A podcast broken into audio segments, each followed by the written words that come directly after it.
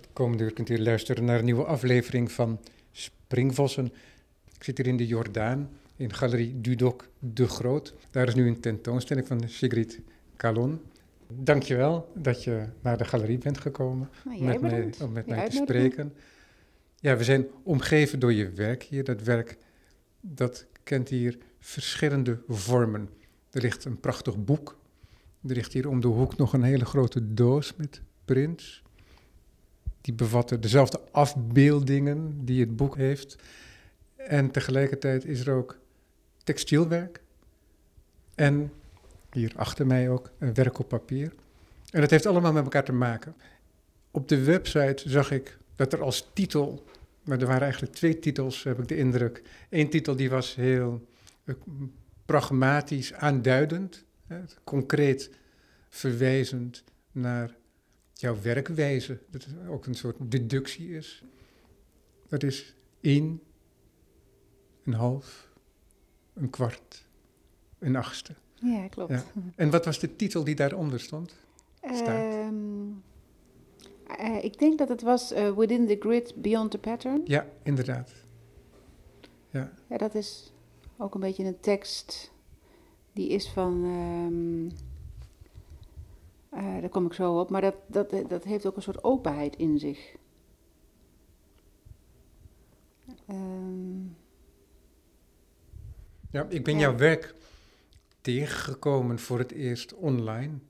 mhm. En ik had nog niet eerder die werken van textiel gezien. Daar heb je wel eerder mee gewerkt al. Ja, maar dit is wel een nieuwe serie hoor.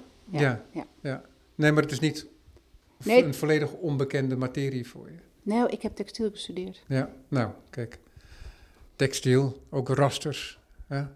Schering en inslag, rasters, grids. En heb je daar altijd mee gewerkt met rasters? Nee, eigenlijk niet. Dat is een beetje, dat is eigenlijk door de loop van de tijd ontstaan en ook eigenlijk mijzelf wat duidelijker geworden. Ehm na de rand, of een paar jaar terug zei ze iemand wat grappig, want het grid zit eigenlijk gewoon in jouw naam ook. Sigrid. Sigrid. Ja, je zegt Sigrid, maar er zit natuurlijk het woordje grid in. Ja. Dat heb ik me ook nooit gerealiseerd. Toen dacht ik, oh, wat, wat, wat grappig eigenlijk, wat, wat, wat, wat typisch. Maar dat is, nee, dat is gekomen. ehm, ik denk dat dat is gekomen met mijn eerste boek. Dat is ontstaan in 2012. Eh, en, en, en terwijl ik daarmee bezig was en de werken daarna die ik maakte, was, werd mij duidelijk van, goh, ik heb iets met dat grid of met die, met die soort werkwijze, een soort houvast. Daarvoor was me dat minder duidelijk. En waarom was dat toen op je pad gekomen? Had dat een specifieke reden? Ehm, ja, dat, dat had wel een soort van reden. Ik, eh, wat ik net vertelde, ik heb textiel gestudeerd en ik kreeg in 2000, moet ik even nadenken, 2008 volgens mij, kreeg ik een residency aangeboden in Eindhoven bij, eh, dat heette destijds eh, Daglicht, grafisch eh, werkstudio en Beeldenstorm. Die zaten op het TU-terrein en die hadden een heel mooi programma, die nodigde kunstenaars uit, vaak van een andere discipline om kennis te maken met eh, andere technieken. Dus omdat ik vanuit textiel kwam, waren zij geïnteresseerd in wat doe jij dan met grafiek en met gietwerk. Dus ja, wat ze daar doen met bronsgieten of plastic of aluminium. En dan krijg je een, eh, een atelier, best een ruim atelier, en toegang tot die werkplaatsen. En eh, daar mochten dan twee maanden zitten. Dus dat was mijn eerste kennismaking met eh, grafiek. En daarvoor had ik veel geborduurd. Geborduurd op een groter formaat met gaatjesbord wat eigenlijk onder je bed ligt. Dus van dat hout of wat in, in garages hangt waar je gereedschap aan ophangt. En daar haalde ik strenge wol doorheen. Dus ik was aan het borduren op een groot formaat. En die beeldentaal, die vond ik eigenlijk interessant. En toen dacht ik, die kan ik wel eens kijken of ik die grafisch kan, eh, kan inzetten. Oh ja, want ik herinner me ook ooit op jouw website gezien te hebben dat je een enorm net om een huis hebt gehaakt. Ja, klopt. Dat, was, eh, dat, was, dat is helemaal gehaakt, ja, dat hele hu- huis. Dus de, de voorgevel, de zijkant en ook het dak.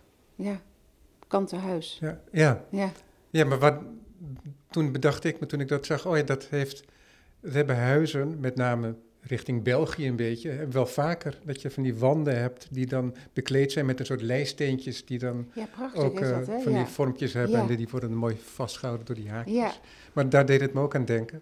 En alleen dan in een heel andere materie natuurlijk. Dus in ja, het was ook een soort tijdelijk nylon werk. was het, denk ik. Ja, het was Ja. een materiaal wat, eh, waar normaal gesproken eh, uien in verpakt worden. Dus het is van dat, eh, ja, het is niet gebreid, maar van dat strenge materiaal waar ze dan zakjes van maken en dan weer afknopen. En ik, ik had eigenlijk voor dat project geen En dat gebruikte je als draad. Ja, ik, Ja. Had, ik had geen budget, dus ik zocht eigenlijk een materiaal wat niet te duur was en wat ik makkelijk op een grote schaal kon gebruiken. En toen kwam ik op dat materiaal, heb ik gezocht naar een bedrijf die mij dat kon leveren. En uiteindelijk vond het zo'n leuk project dat ze mij dat materiaal schonken. Ja, ja mooi. Ja. Mooi ook. Maar goed, dat was eventjes een, een zijpad. Maar het is toch leuk om dat even in herinnering te brengen, Ja. ook zo'n eh, zo'n werk. En je kwam dus bij die eh, grafische residency. Ja, En dan kwam je dus in contact ook met een andere manier van het opzetten van een beeld.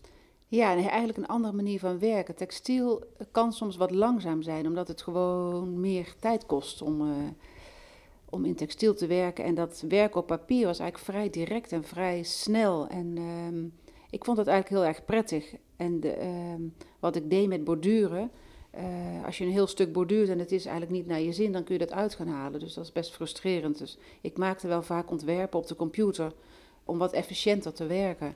En ik had toen eigenlijk al wel door van, maar die beeldtaal is eigenlijk, staat op zichzelf, staat bijna eigenlijk los van het geborduurde. En dat heb ik daar ook verder kunnen experimenteren. Dus wat ik, wat ik toen had gedaan is ook bijvoorbeeld ehm, plaatjes van, van, van perspex. Die ging ik dan uitlezen. Dan ging ik die, die, die geborduurde vormpjes uitlezen. En dan ging ik die plaatjes ininkten. En dan vervolgens onder de hoogdrukpers doen. Zo maakte ik dan een afdruk. En dat waren eigenlijk hele krachtige, sterke beelden. En ehm, ik was daardoor gegrepen. En toen die residency was afgelopen, die twee maanden, had ik zoveel andere eh, ja, ideeën en vondsten. Dat ik dacht, nou kan ik nog wel even mee vooruit. Dus ik geloof dat ik die, die twee jaar daarna alleen maar eh, of met regelmaat naar Eindhoven terug ben gegaan om te experimenteren met wat ik had ontdekt. Dat ik dacht, hoe kan ik dit nou inzetten of hoe kan ik dit nou ontwikkelen tot iets waar ik iets mee kan. En ik geloof dat ik daar twee of drie jaar mee bezig was. En ja, er zaten hele mooie werken op papier bij, maar er waren ook heel veel mislukkingen. En ik wist eigenlijk helemaal niet wat en hoe nu verder te gaan. Ik had destijds ook geen, eh, geen galerie of ik had nog niet zoveel aanknopingspunten in de kunstwereld. Ik wist gewoon eigenlijk niet zo goed wat ik met die werken moest doen. En ik was ook een beetje gefrustreerd door die, de hoeveelheid fouten.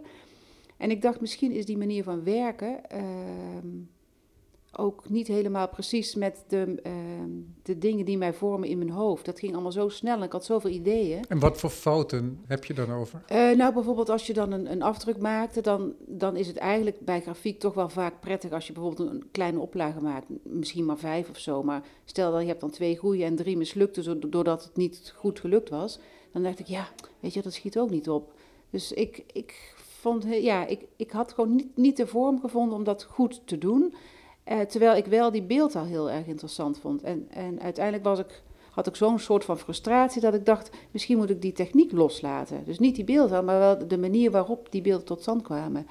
En eh, een paar jaar daarvoor was ik al eens een keer in contact gekomen met het RISO-drukwerk. en toen ineens dacht ik, ik moet het gewoon, ik moet het gewoon anders gaan doen. Want ik had zo'n hoeveelheid vormen eh, in mijn hoofd. En ik dacht, ik moet daar iets bij vinden wat me- meer past bij dat idee. En toen dacht ik, stel dat ik het in een boekvorm giet, dan heb ik toch een soort van eenheid. Dan is het een familie, maar kan ik ook elke pagina eh, een beeld op zichzelf laten staan. Wat interessant dat je dan bij Riso uitkomt, omdat er bij Riso Prints, heb ik altijd begrepen, ook hele grote marges zijn. Ja, dat klopt. Maar de RISO heeft, lijkt een beetje op zeefdrukken. En ehm, je werkt eigenlijk ook in lagen. Dus je hebt een kleur eh, rood en een kleur blauw, die druk je over elkaar heen. En je gebruikt pure eh, inktkleuren. En dat is, dat is eigenlijk een hele mooie manier om, eh, om je beeld weer te geven. En kan je die kleuren dan, dus, dat is een beetje een technische vraag dan, maar kan je die kleuren dan zelf aanmaken? Nee, nee, dat is dan best lastig, want het is een, ehm, Ja, het is een machine doorontwikkeld uit Japan en die hebben speciale inkten. En ik denk als je echt, nou ja, misschien een, een technische nerd bent, dan kun je wel je inkten maken. Maar ik, ik, ik, ik ben dat niet, ik, ik zou ook niet weten hoe ik dat moet doen. Maar uh, zij werken op uh, inktbasis, of dat is een inkt op sojabasis. Dus je kunt het een beetje vergelijken met de inkt van een krant. Die blijft ook altijd een beetje nattig. De techniek is ook een. Uh, het wordt geprint of gedrukt op met een koutechniek. Dus de inkt droogt aan de lucht en niet door hitte. Dus bij een gewone inkjetprinter of andere laserprinters, die, die, die drogen door de hitte in de machine. En deze machine gebruikt eigenlijk alleen maar de elektriciteit om aan te sturen, maar alles droogt bij mij in, uh, in droogrekken. Ook als ik uh, nog een keer, zou ik maar zeggen, door de machine haal, dan is die inkt nat en wordt die dus meegenomen bij de volgende drukgang. En het, het, heeft dus ook nadelen, maar het heeft, wat je net zei, met het heeft uh, marges qua uh, de, de registratie. Is, is dat, is dat, ja, heeft dat zijn nadelen, maar dat heeft soms ook zijn charmes. En, ik, ik, en daar, weet je, daar weet je ook op een gegeven moment wel goed op in te spelen, denk ik. Ja. En zelfs gebruik van te zeker, maken, stel zeker, ik me voor. Absoluut. Het, het, maar het ging mij ook destijds ook wel een beetje om de snelheid, denk ik. Dat ik dacht, ik heb... Uh, ja, door die manier van werken kan je gewoon ook bijvoorbeeld een boek maken zelf. Zonder dat je zegt, ja, ik moet naar, ik moet naar een drukker gaan. Die, ja, uh, die want je hebt je eigen risoprinter.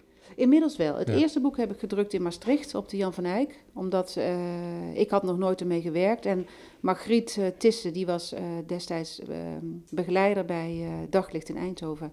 En zij kende mijn manier van werken. En zij zei, waarom kom je niet naar Maastricht? We hebben een nieuwe directeur, de labs gaan open. Wij kopen zo'n risomachine. Ja, ik ken Misschien... meerdere mensen die in, aan de Jan van Eyck hebben geprint, inderdaad. Ja, ja, ik was de eerste die daar startte. Ja. Want ik was daar Mooi. eigenlijk al begonnen voordat de nieuwe academie uh, van start ging.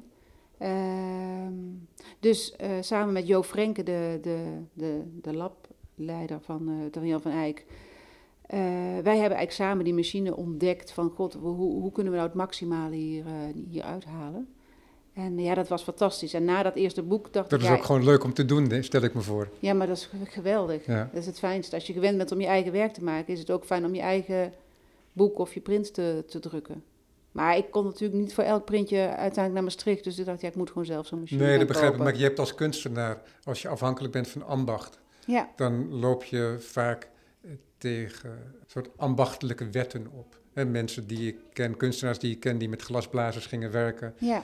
Um, en die glasblazers die kunnen van alles, maar er zijn bepaalde dingen die je niet doet, want dat geeft het, levert niet het gewenste product op. Ja, dat maar is dat zeker. is juist het punt waar het voor kunstenaars interessant kan worden. Ja. En bij de Jan van Eyck, ja, daar is het bekend dat kunstenaars dat willen. Dus dan is Ja. dat wat gemakkelijker Heerlijk, werken, ja, die staan gewoon open voor, voor. allerlei experimenten. En, eh, Ja. ja.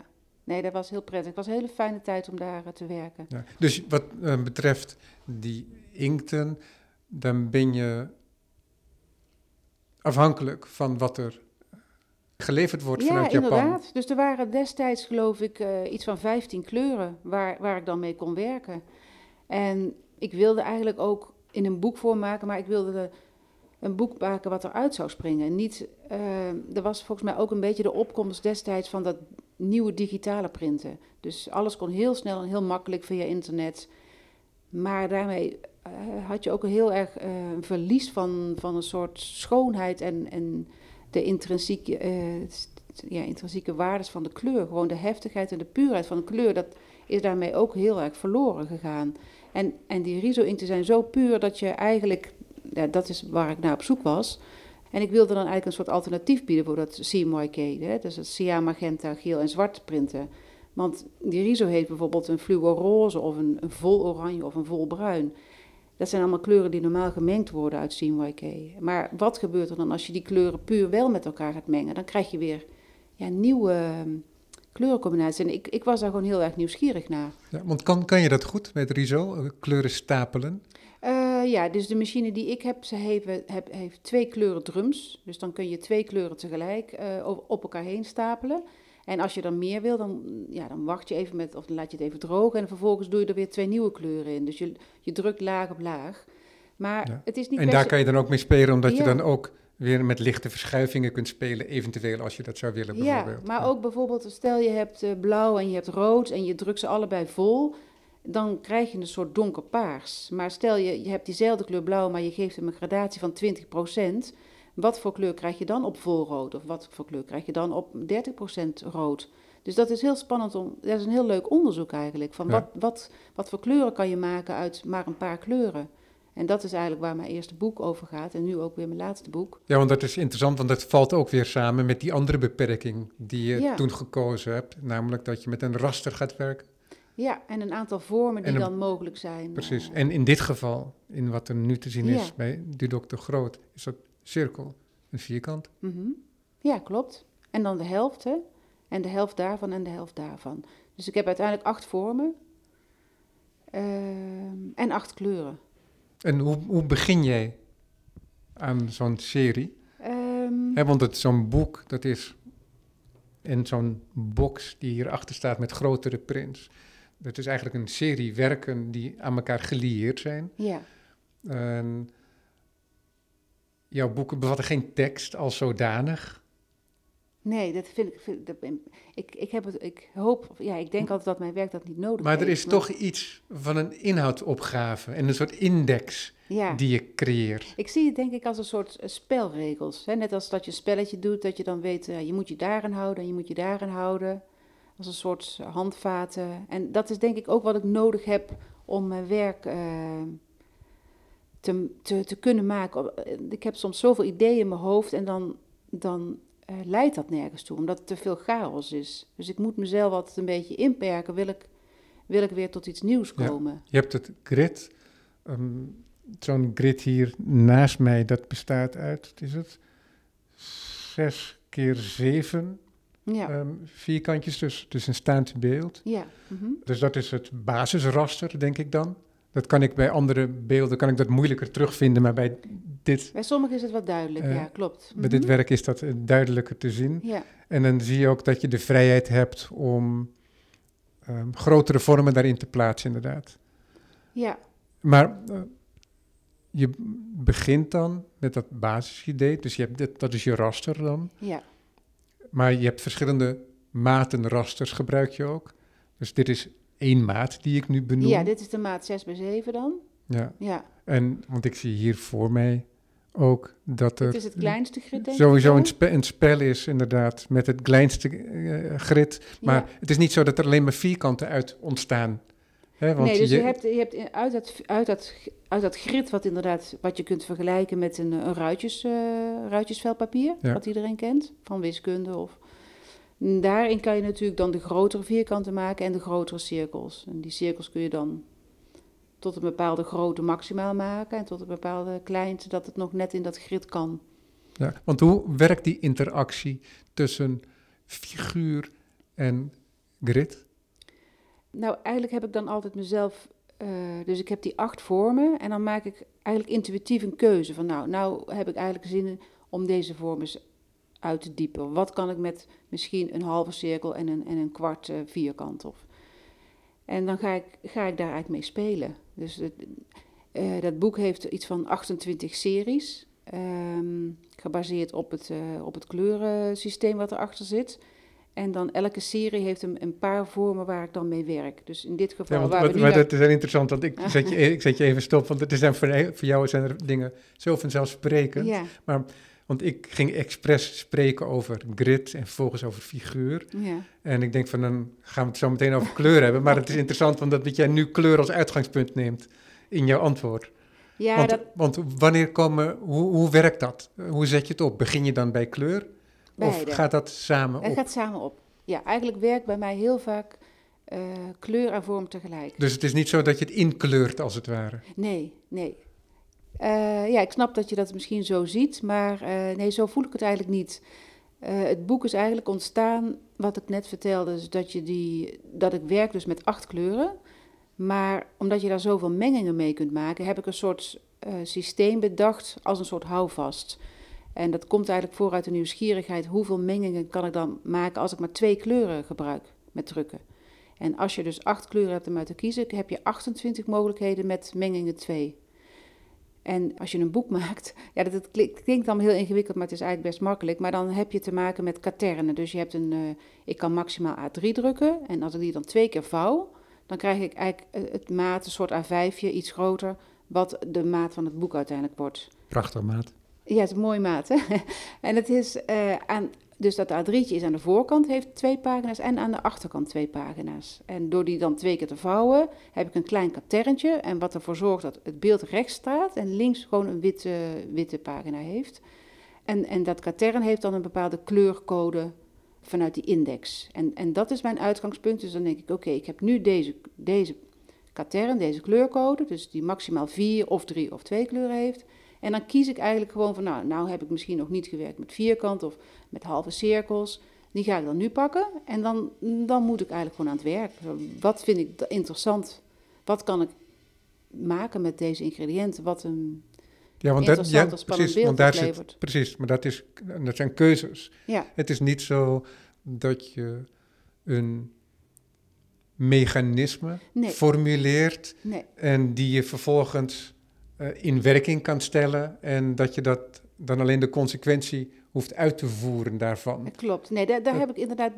Zo, zo werk ik eigenlijk niet graag. Ik vind het heel fijn om uh, daar controle in te hebben. Dus dat ik bepaal wat ik wil laten zien. Dus dat ik, dit, het is geen willekeur, het is geen toeval. Het is echt dat ik denk, nee, dit is bewust een beeld wat ik nu goed vind. Je kunt, je kunt natuurlijk honderdduizend dingen maken met die vormpjes en die kleuren, maar wanneer heb je een interessant beeld? Of... Ja, ja, ja, ja, precies, want dat is het natuurlijk. Want de eh, potentiële variaties ja. die er binnen die verschillende grids zitten... Ja want die vermenigvuldigen ook omdat jij meerdere grids gebruikt. Zeker. Mhm. Ehm, en soms ook tegelijkertijd. Ja.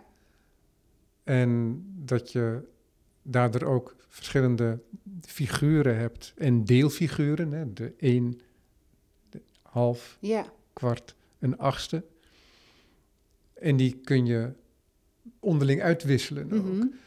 Dus de vermenigvuldiging van al die verschillende elementen, en benoem ik nu nog niet eens, nog niet eens de kleuren hier, is zo enorm. Dat zou nooit binnen een boek passen. Hè? Dat, zou, dat zou een bibliotheek op zich ja, worden. Zeker, dat is, dat is ongelooflijk hoeveel. Ja. Maar dat is tegelijkertijd ook een enorme chaos. Dat je denkt, ja jeetje, kan dit, dit, dit, dit. Je wordt er gek van. Ja. Dus is het en toch... wat is dan jouw... Wat bepaalt dan jouw keuze? Dat is een hele grote vraag, ik weet het. Hè? Dat is bijna geen antwoord op te geven, maar ik stel hem toch. Ja. Wat, weet jij wat jou, wat jou leidt dan tot een bepaalde keuze? Ja, dat is volgens mij uh, je intuïtie. En dat is, dat is uiteindelijk denk ik toch ook uh, gedeeltelijk wie je bent, of misschien wie je op dat moment bent. Het is ook natuurlijk een tijds, uh, tijdsopname. Ja, dat is denk ik waar, eh, waar in ieder geval in mijn geval het, uh, het leven als, uh, als kunstenaar omgaat. Dat, ja, ik, ik bepaal dat op dat moment. Ik denk dat ik, dat beeld dat doet mij dan wat. Ik vind het interessant genoeg of ik vind het niet interessant. Ik, ik kan heel kritisch zijn, dus ik vind heel veel echt niet de moeite waard. En dan soms blijft er iets hangen dat je denkt, ja, er gebeurt iets. Of dat, ik weet niet waarom ik dat wel of niet interessant vind, maar dat is uh, hoe bij mij dan inderdaad een beeld ontstaat. En doe je dat dan op die ruitjespapiertjes waar je het net over had, of doe je dat in de computer? Ja, alles op de computer. Ja. Ja, dus ik, heb, ik werk dan meestal in Illustrator. En daar heb ik dan zo'n, uh, die, die ruitjes en die vormpjes staan. En dan is het eigenlijk heel simpel knippen plakken. Dus wat je vroeger, zou ik maar zeggen, met een schaar deed en papier, dat is nu wat sneller. Dus je, je, je, je, kopieert en je plakt en je kijkt en je doet en je hebt lagen en dan haal je wat weg. En dan soms dan gebeurt er iets onverwachts. En dan denk je, hé, hey, dat had ik zelf niet bedacht, maar vind ik eigenlijk wel heel interessant. Dus die staat open voor toeval of dingetjes die er.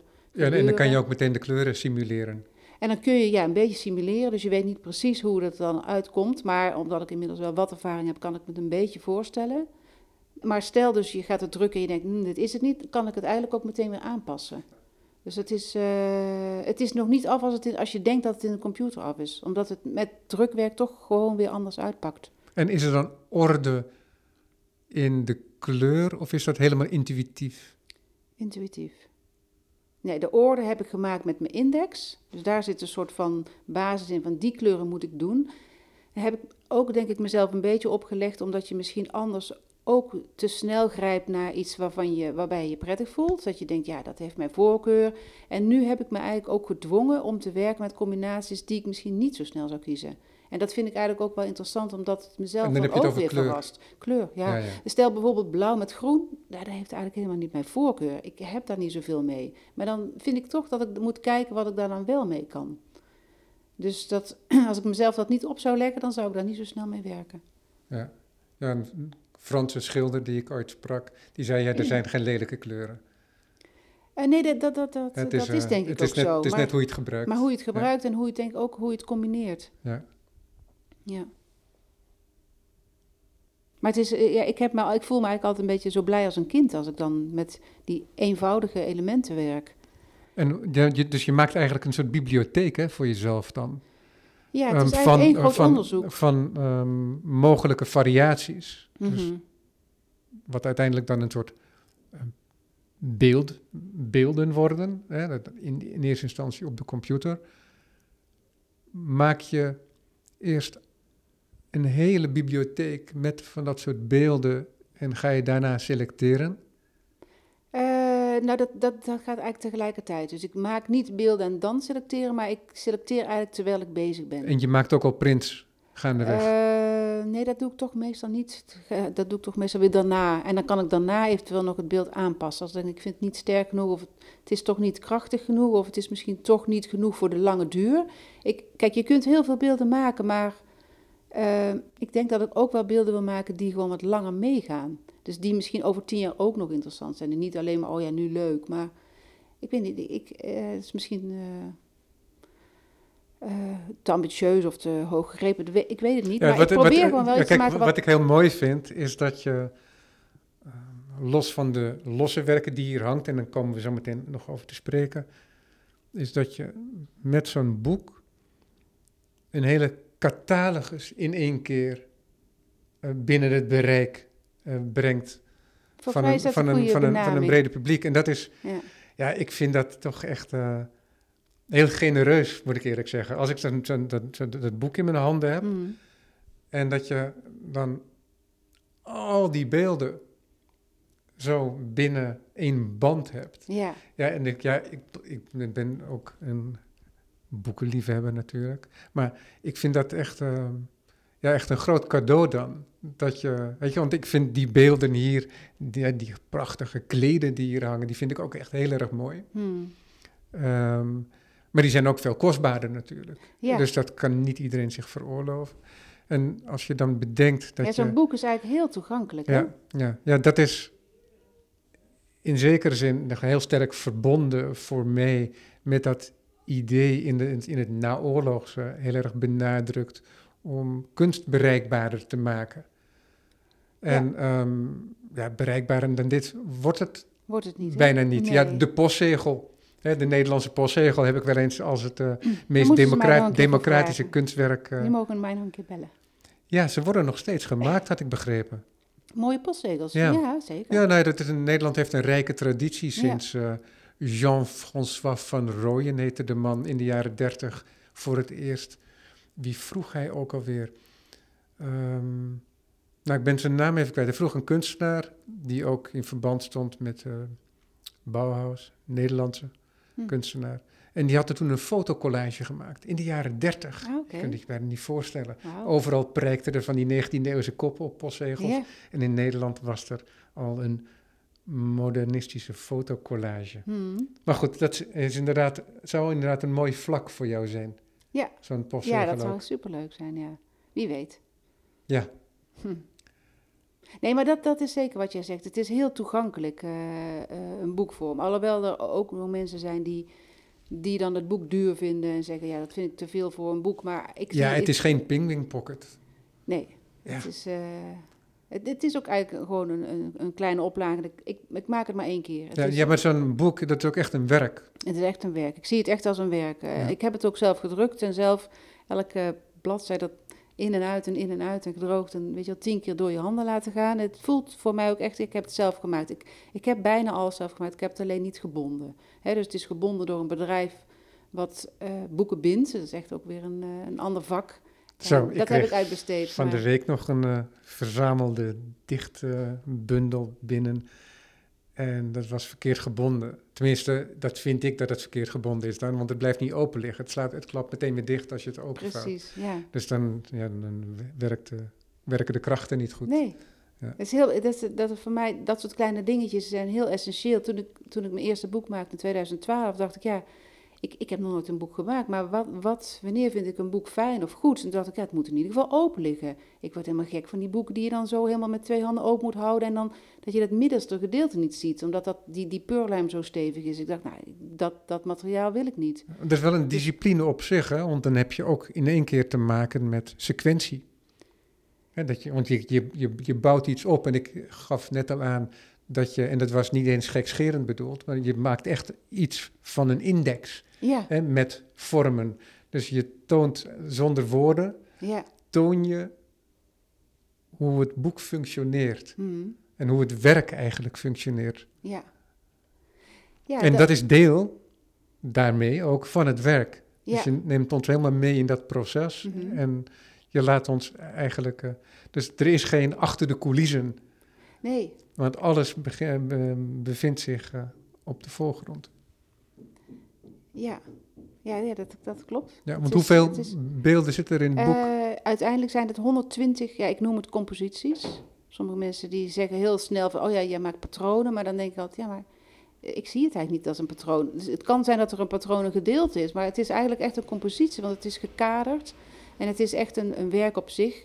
Dus vooral als je ze één voor één bekijkt, hè, bladzijde voor bladzijde, is het echt een los beeld wat op zichzelf staat. En samen is het één geheel, omdat het vanuit dezelfde eh grid en, en vormentaal is ontstaan. Dus het is samen echt wel een familie. Maar, eh, Ja, maar 100, 120 heb ik er gewoon uitgehaald. Ja. Omdat dat is eigenlijk gewoon die consequentie wat ik net zei over die, die, die- de hoeveelheid kleuren. Dus, en, en het is ook, je moet ergens een soort eh, maximum hebben of een hoeveelheid waar je mee, wat nog Een werk- afbakening. werkbaar is. weer ja. een afbakening. Ja, inderdaad. Ja. Waar zouden we zijn zonder afbakeningen? ja, dan zijn we verloren. Ja. Werk op papier is dat allemaal. Ja, je hebt Ja. een boek, Ja. je hebt je prints. Maar tegelijkertijd hangen hier in de galerie, die Dr. Groot, ook hele mooie textielwerken. Dank je. Ja, weer terug naar textielen. Dat heb ik ge- gestudeerd, is toch een beetje mijn eh, eerste liefde. En ehm, ik, voor mij heeft het heel veel overlap ook hoor. Werken met, of een manier van drukken met kleuren over elkaar heen. En het, eh, het werken met textiel heeft ook met de draden, met schering en inslag en de, de mengingen van kleuren. Eh, bijvoorbeeld, ja, hoe ik nu mijn textiele werk heb gemaakt, dan had ik mijn boek als uitgangspunt. Maar om een bepaalde kleur rood te krijgen, het is niet zo van je gaat eh, naar het textielmuseum of je gaat naar een winkel en daar is precies die kleur rood. Dus ik heb vaak eens één kleur ontstaat met, met drie kleuren samen. Dat levert voor mij die kleur rood die ik zoek. Dus het, is, eh, het, heeft, heel veel, het heeft heel veel overlap. En fascinerend heb ik dat altijd gevonden. ja, dat Als is je heel naar bijzonder. een bepaald weefsel kijkt, Ja, als je dan dat je het waarneemt als een vaste kleur. ja, En dat als je dan naar de wijk kijkt, hoeveel draden er eh, samenkomen en hoe het ook verstrooit inderdaad als je nabij komt. En ik zie ook dat je daar gebruik van maakt, van dat verstrooide beeld, waardoor je ook een grote mate van transparantie krijgt mhm. en zelfs iets van een soort diepte. ja het is... ehm, kijk, dat werken met papier en die inkten daar... ehm, ik weet niet of dat alleen liefhebbers zijn, maar ik was wel eens op een beurs en dan had ik, zag, ik, zag ik gewoon dat het liefhebbers waren en die gingen dan met hun neus in dat papier. En toen gaf ik ze zo'n loepje, waarmee je vroeger wel eens de dia's bekeek. En toen zag ik ze zo kijken, zo van ja, weet je wat, dit heb ik nodig. En dan kun je echt helemaal tot op de pixel kijken. Ja. En dat is eigenlijk Ja, met en de vezel ook. van het papier ook. Ja, gewoon inderdaad, de, die, dat papier waar ik heb gebruikt, dat is vrij tactiel en dat heeft gewoon dezelfde, eh, die, dat werken met textiel, daar wil ik ook die tactiliteit in hebben. Dus dat je mooie garens hebt en dat je, dat je in het detail kunt kijken. Dus dat het en van dichtbij interessant is, maar ook van een afstand. En dat werkt voor mij werkt ook echt anders als je van een afstand kijkt en of als je er met je neus bovenop staat. Ja, want hoe groot zijn deze werken? Ik schat zo 1,60 hoog, 1,20 breed. Eh, ja, dat heb je goed geschat. Ja, maar- Ja. Nee, dat is ongeveer zo. Ja. Mhm. Dus als je ervoor staat, ja, is dat eigenlijk een beetje het bereik wat je als mens hebt. Hè? Het is een beetje mensvormig in, in, is, in, in zekere eh, zin. Een Het is een kloeke vorm. Ja. Hoeveel heb je er gemaakt? Ik heb er nu voor, de, voor deze tentoonstelling heb ik er vijf gemaakt. Ja, eigenlijk nou niet helemaal willekeurig. Ik heb ook aan de galerie gevraagd van welke vijf vinden jullie interessant of welke vijf willen jullie graag tonen, hè, wat we hier kwijt kunnen. In principe was eigenlijk, is eigenlijk mijn opzet dat ik alles uit het boek of elke print gewoon één keer laat weven. Dus in principe zijn het in, unieke werken. Ja, dus in potentie zijn er 120 Ja, uh, kleden. ja. Want ik werk met, hè, dus net als in het boek, heb, werk ik dan acht kleuren. Ik heb gezocht, samen op het uh, Textielmuseum en bij het lab, met, naar een systeem waarbij ik dan die kleuren om kan zetten. Dus die kleuren die ik gebruik in mijn boek, moet ik theoretisch ook allemaal kunnen gebruiken in die weefsels. Zodat ook de mengingen samen weer nieuwe kleuren op. Alleen die komen niet op dezelfde manier tot stand. Nee. Dus is een heel nieuw moet onderzoek. je daar weer inderdaad... Ja, het is heel nieuw onderzoek. Dus totaal eigenlijk iets Ja. anders. En ik moet natuurlijk ook alles groter maken, want het moet geweven worden en die draden moeten ergens kwijt. En de pixels in het boek zijn veel fijner dan de pixels die ik kan maken om mee te weven. Dus het, Ja. eh, het, En, maar dat is ook een cadeautje tegelijkertijd. Ja, absoluut. Het, is, het hoort eigenlijk gewoon bij eh, een andere manier van werken. eh, ja, is het gewoon weer een andere benadering. Ja. Net als bijvoorbeeld de, de fijnheid in het boek is anders dan de losse prints. Omdat het een ander formaat heeft. En dat, ja, de- deze textiele werken zijn groter en de pixels zijn daardoor ook groter. Maar als je er met je neus op staat, zie je ook wat de draden onderling doen. Dus het is eigenlijk een heel leuk, eh, interessant spel wat er... Ja, dat, er ontstaat. ontstaat zelfs bij tijd en wijle iets van een soort pointillisme. Ja, Hè, waardoor het ook echt een beetje gaat wemelen, die kleuren. Omdat je ze niet vast kunt pakken, omdat er te veel bij elkaar zijn. ja, Maar tegelijkertijd, als je iets van afstand neemt, zoals ik nu heb, ja. zo'n twee meter, zie ik toch heel duidelijk weer een patroon, hè, Mhm. een, een grid-basis erin, erin zitten. ja. Maar ik zie ook dat die dreigt in sommige balkjes met name op te lossen. Ja, ja. En hoe verder jij weggaat, hoe meer jij alleen kleur zult ervaren. En hoe dichterbij je komt, dat je meer de kleurmengingen en de rasters ziet eigenlijk eh, waar het uit opgebouwd is. Ja, Mhm. maar dat is niet iets wat je alleen maar op de computer kan doen, toch?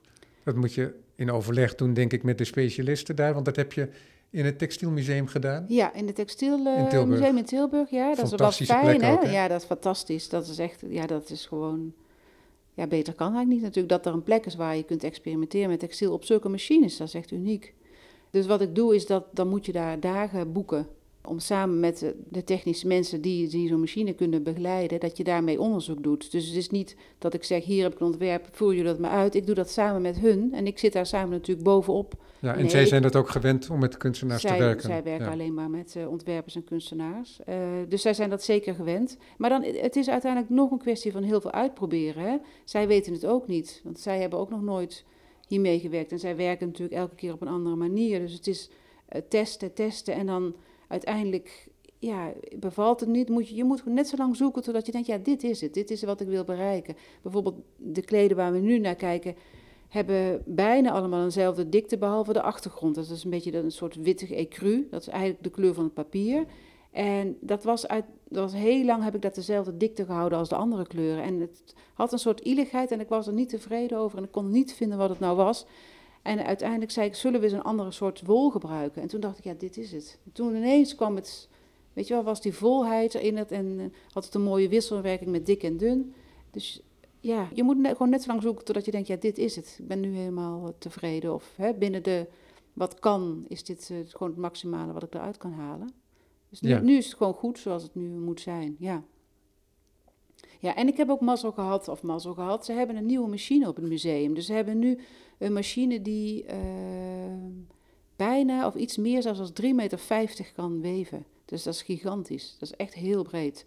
Nee, normaal is het 1,70 maximaal. En je hebt met textiel ook gewoon te maken met je afwerking. Dus je papier, nou ja, dat kun je snijden en dan is het klaar. Maar je textiel is niet klaar als het geweven is. Tenminste, mijn, mijne niet. Sommigen halen het eruit en het is klaar. Maar je moet natuurlijk ook nog denken, ja, hoe, hoe ga ik dat presenteren? Hoe ga ik dat ophangen?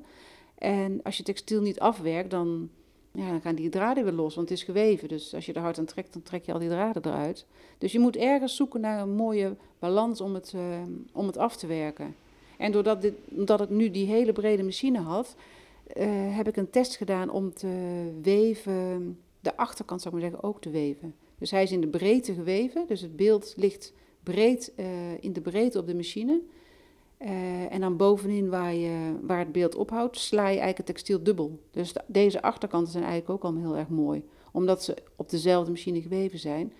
Maar de consequentie is dat ik niet he- heb hoeven stikken, eh, waar bijvoorbeeld om er een, ehm, een bevestiging aan te maken.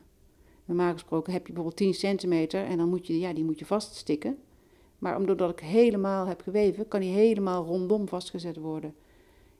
Uh, het klinkt heel erg technisch en is misschien een beetje ingewikkeld om als je het alleen maar hoort. Maar het is, ik vond het een hele eh, fijne manier om te ontdekken, uh, om erachter te komen dat ik het uh, op een mooie manier kon confectioneren. Ja. Zodat het ehm, ja, zodat ook, zou ik zeggen, bij het beeld past.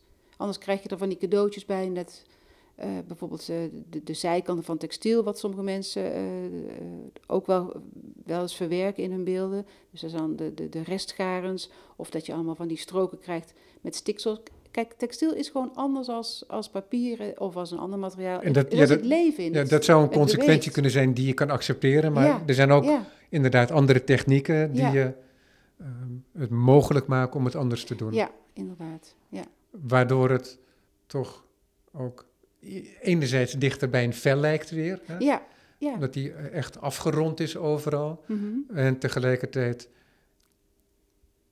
is het ook heel duidelijk object.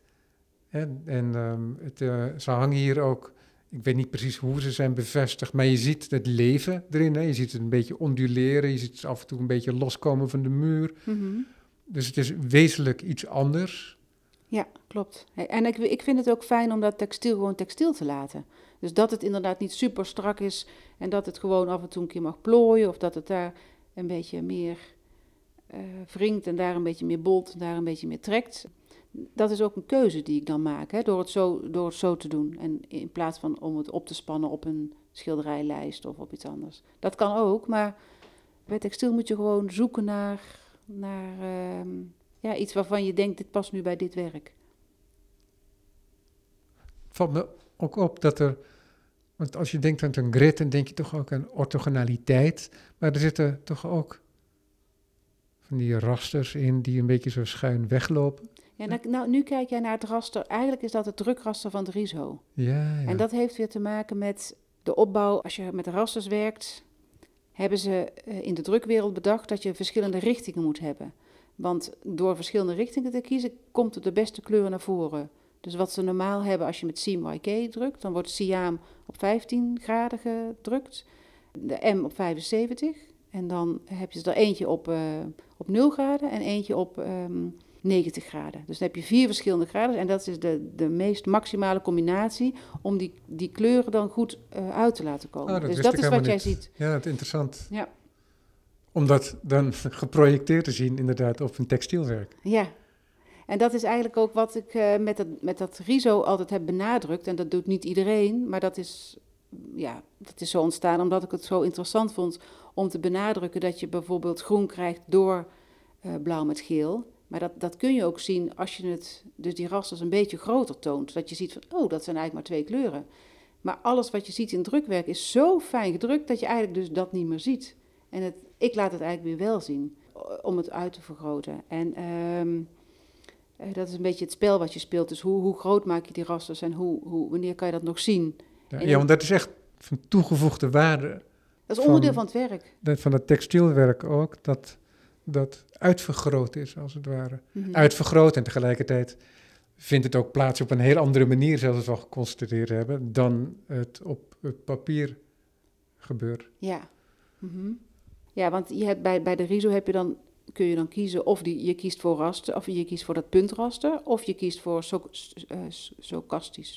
Ik weet niet of ik het goed uitspreek, maar dat is dan eigenlijk een soort fijnheid dat je die rasters niet meer herkent, maar dat het een soort lichte waas wordt. Dus dan ervaar je meer een kleurvlak in plaats van ik ervaar een raster. Ja, ja. als wat je het Maar is het dan, omdat het dan een soort, een beetje een soort chaos eh, is ja, dan? dat is meer chaos. En dat is dan een, ja, ja. een meer- iets fijnere chaos. Maar is dat dan ehm, geen vast patroon dan, maar meer een soort toevalspatroon? Ja, maar dat is dan wel bijna vast, omdat die, die pixels zijn allemaal zo chaotisch en, en, en Ja. door elkaar dat het, dat het gewoon bijna één, één vlak wordt.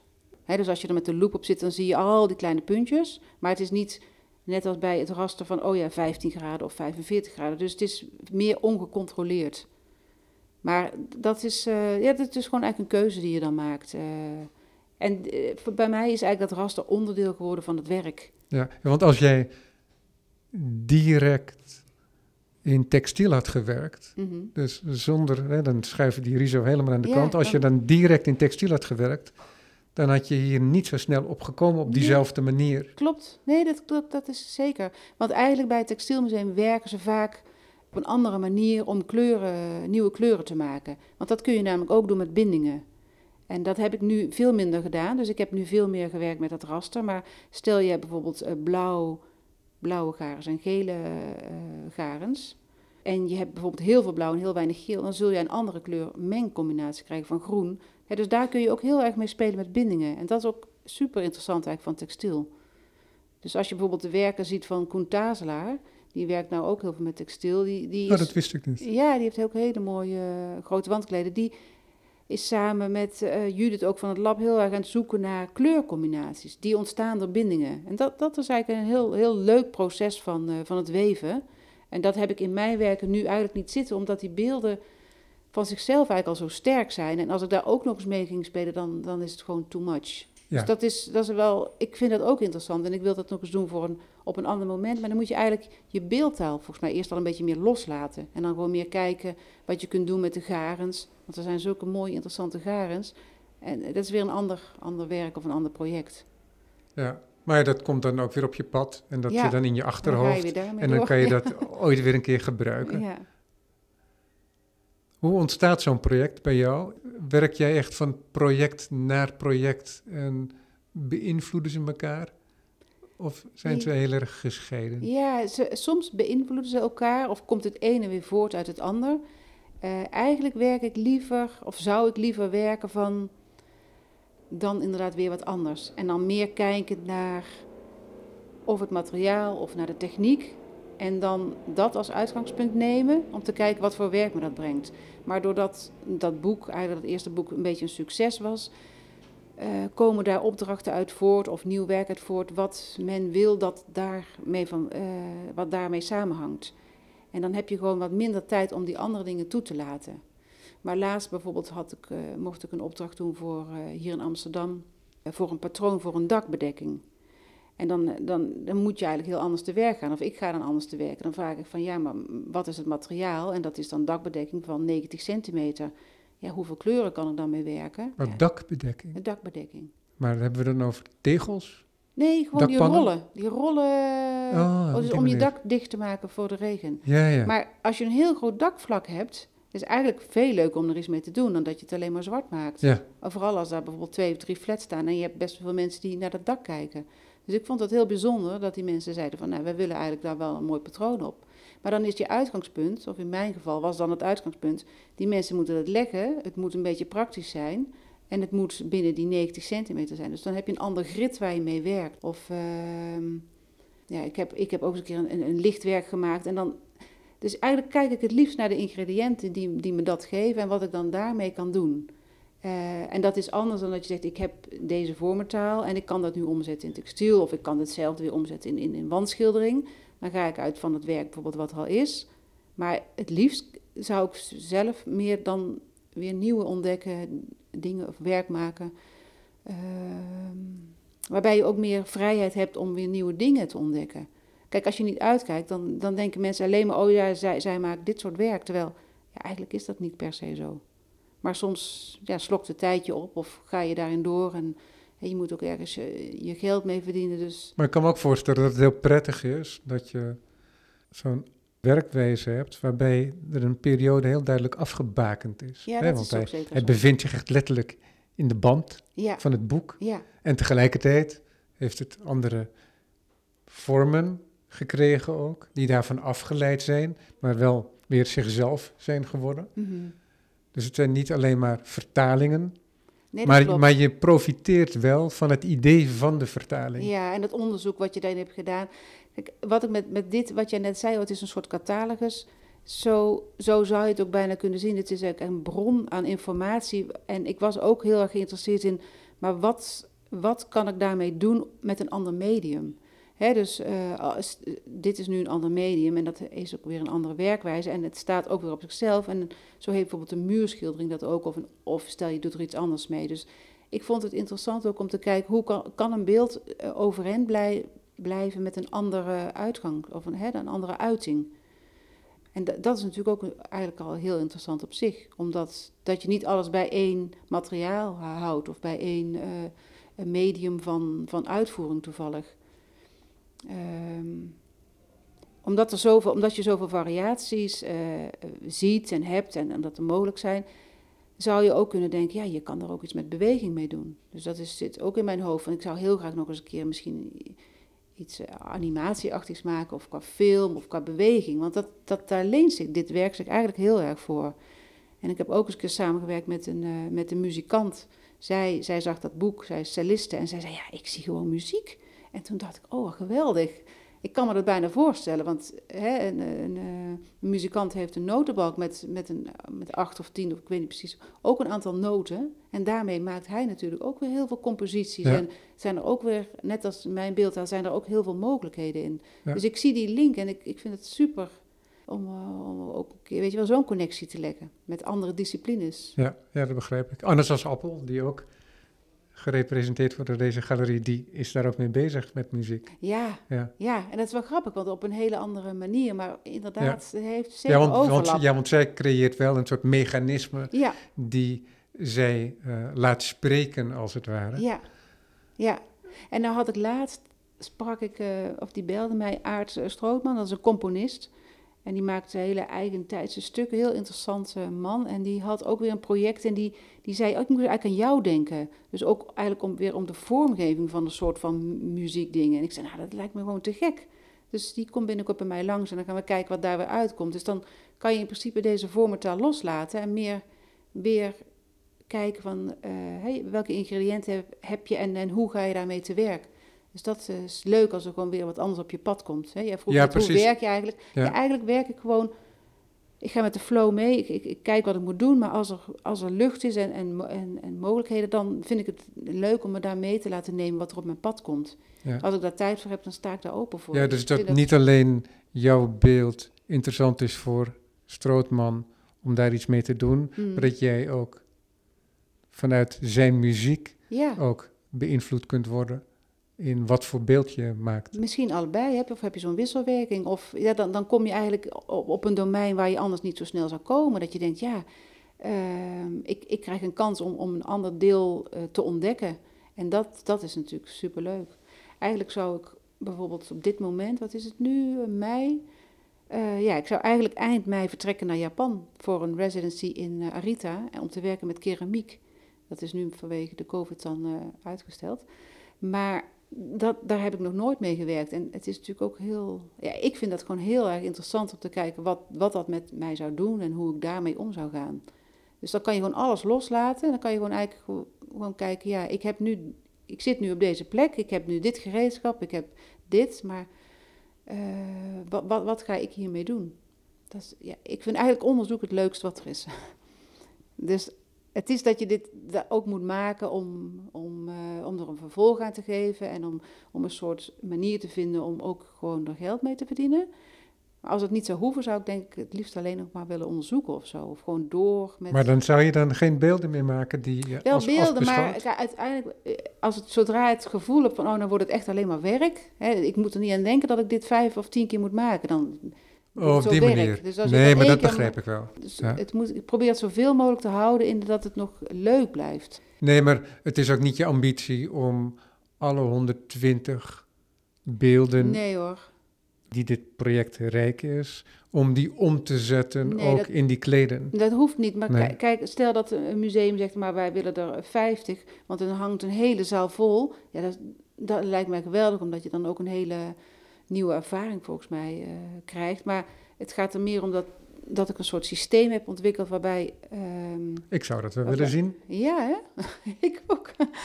maar dat, kijk, eh, ik, ik heb ook altijd het gevoel dat mensen. eh, Dit gaat ook heel erg over smaak en voorkeuren. En, en de beleving die jij als, als kijker hebt en de associaties die jij hebt. Iedereen heeft natuurlijk zijn eigen bagage. En door, de, door jouw ervaringen kijk jij naar een bepaald werk en iemand anders op een andere manier. En als je dan heel graag zo'n wandkleed wil, dan kan je ook zeggen: ja, maar ik heb toch meer voorkeur voor die. En dan, dat je dan de optie hebt om te kiezen, is natuurlijk eigenlijk best wel leuk. Ja, Of ik zit hier voor twee wandkleden en ik heb eigenlijk voornamelijk, om, dat is ook een werk wat dichter bij jou staat in mijn blikveld, Ja, eh, met dat werk in gedachten met jou gesproken. Mhm. Maar aan de rechterkant is er een beeld dat op een heel zwart, wat fijner grid zit. Met flinke, dikke lenen. En daarop heb je vier lagen van vier cirkels. En die cirkels die hebben allemaal een omtreklijn. En Ja. die, die alterneert van, ja, ik zou inschattend onder de TL um, oranje of scharlakenrood. En de andere is dan een soort um, neonroze.